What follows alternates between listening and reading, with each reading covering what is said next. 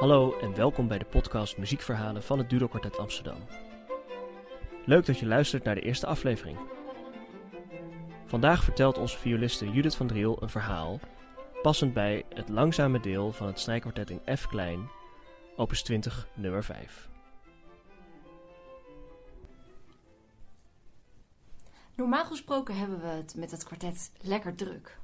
We leven van piekmoment naar piekmoment, van concert naar concert.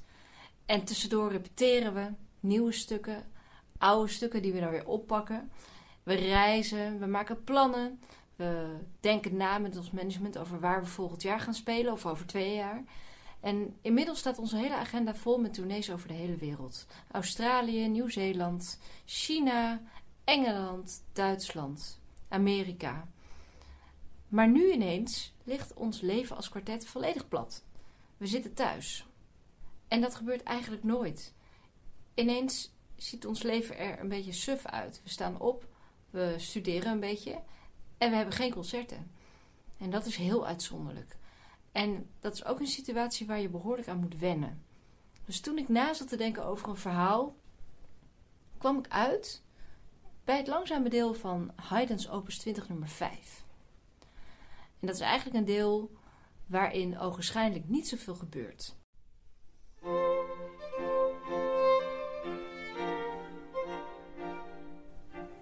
Niks aan de hand muziek. Met een hele simpele begeleiding en een simpel melodietje.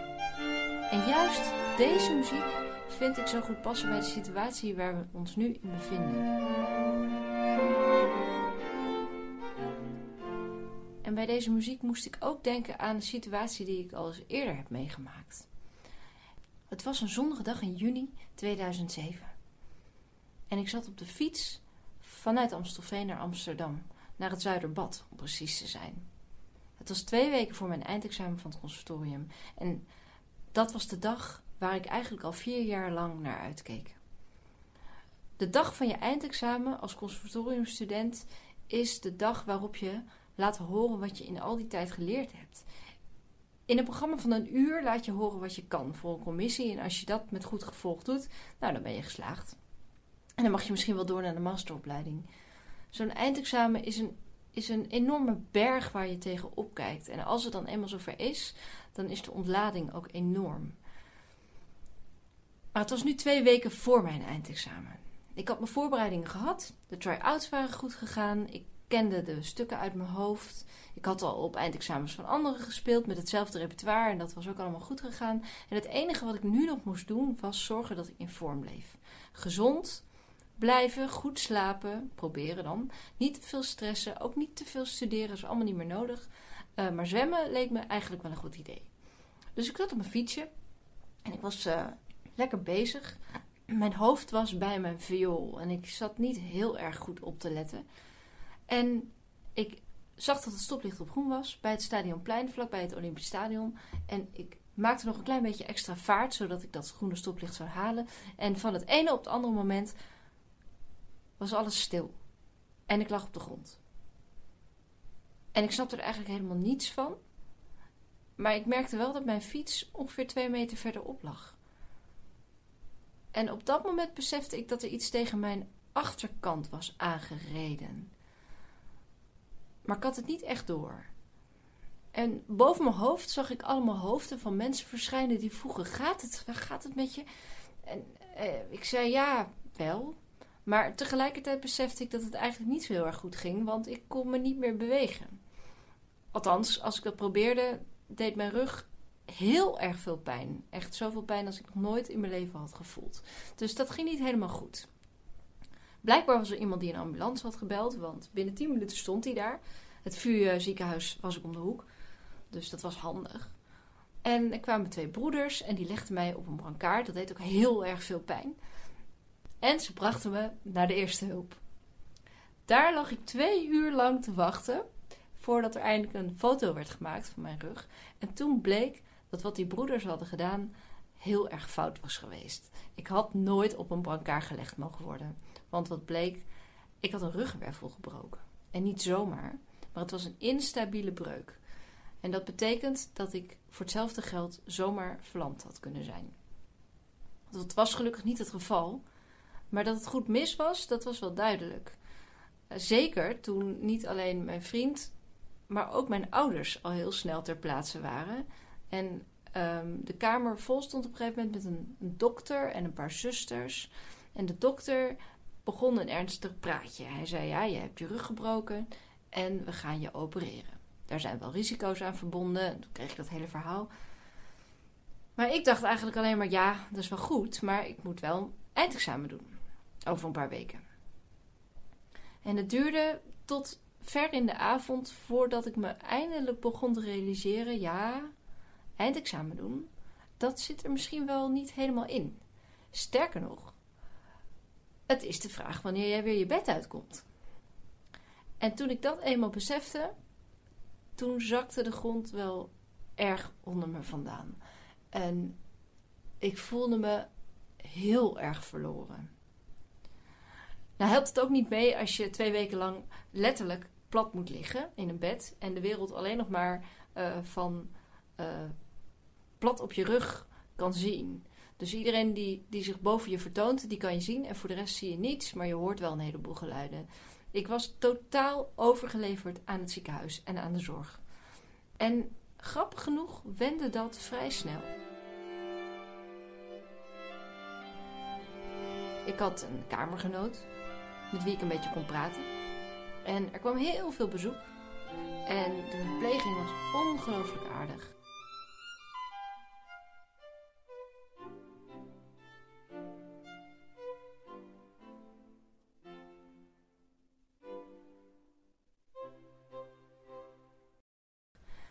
Ik was geopereerd en er waren vier grote paarse pinnen in mijn rug gezet. En op de dag van mijn eindexamen mocht ik mijn bed weer uit. En ik ging rechtop zitten. Ik werd meteen helemaal draaierig, want als je twee weken hebt gelegen, dan heb je dat. En ik ging staan, of althans, ik probeerde te gaan staan en ik zakte meteen door mijn benen heen. Want na twee weken liggend op mijn bed heb je totaal geen spierkracht in je benen. Maar gelukkig was dat na een half uurtje wel beter en kon ik voetje voor voetje weer een heel klein beetje lopen. En weer kunnen lopen, dat was een magistraal gevoel. Niet te vergelijken eigenlijk met alle piekmomenten die ik daarvoor met mijn viool had gehad. En toen ik de trap op en neer was gelopen, werd er voor mij besloten dat ik naar huis mocht. En dat was voor mij de grootste overwinning van mijn leven. Niet alleen van het hele jaar. Aan deze ervaring moest ik denken toen ik aan de muziek van Haydn dacht. Aan het langzame deel van zijn opus 20, nummer 5. Dat is muziek die hij schreef in de periode dat hij het zelf ook niet zo makkelijk had. Waarschijnlijk is het het eerste kwartet wat hij schreef in een reeks van zes. En het stuk is geschreven, en dat is wel bijzonder, in F mineur. En dat is een moeilijke, dramatische toonsoort. En het eerste deel van dit stuk is ook uitgesproken dramatisch.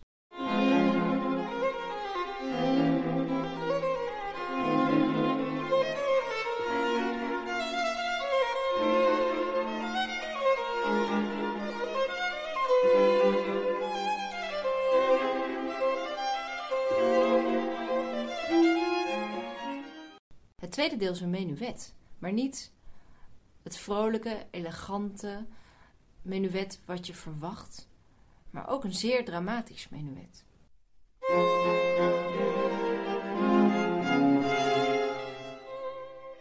En dan komt het langzame deel. En dat is van zo'n andere orde. Luister maar eens naar het ritme in het begin.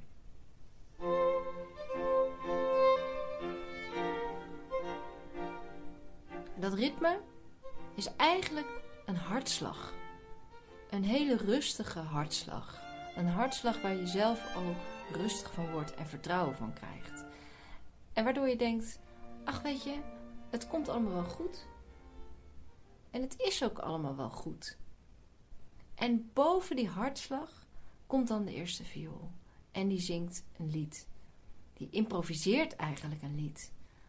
En dat lied gaat over Kijk eens hoe mooi de zon schijnt. En dat alles weer in bloei staat. En het leven gaat vanzelf door. Je hoeft er zelf niks voor te doen.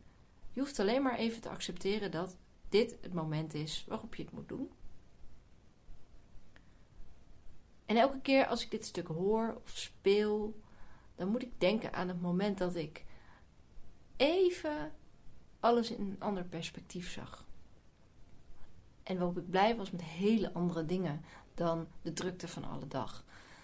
En misschien is dat iets waar we nu uh, allemaal wel wat mee kunnen. Nu we allemaal een klein beetje uit onze dagelijkse balans zijn gebracht. Luister maar eens naar dit stuk en geniet van de dag.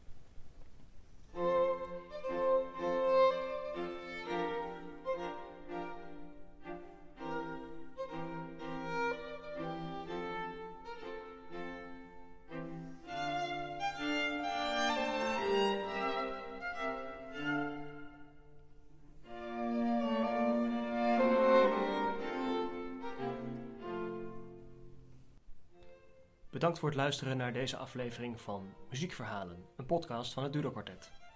We hopen dat je het leuk vond. Mocht je het muziekstuk waar jullie het over praten nou in zijn geheel willen horen, klik dan op de link in de beschrijving van deze podcast. Als je het op cd wil horen, stuur dan een mailtje naar info.dudokwartet.nl En mocht je het Dudo Quartet financieel willen steunen door bijvoorbeeld vriend te worden, kijk dan op onze website www.dudokwartet.nl. Tot volgende keer.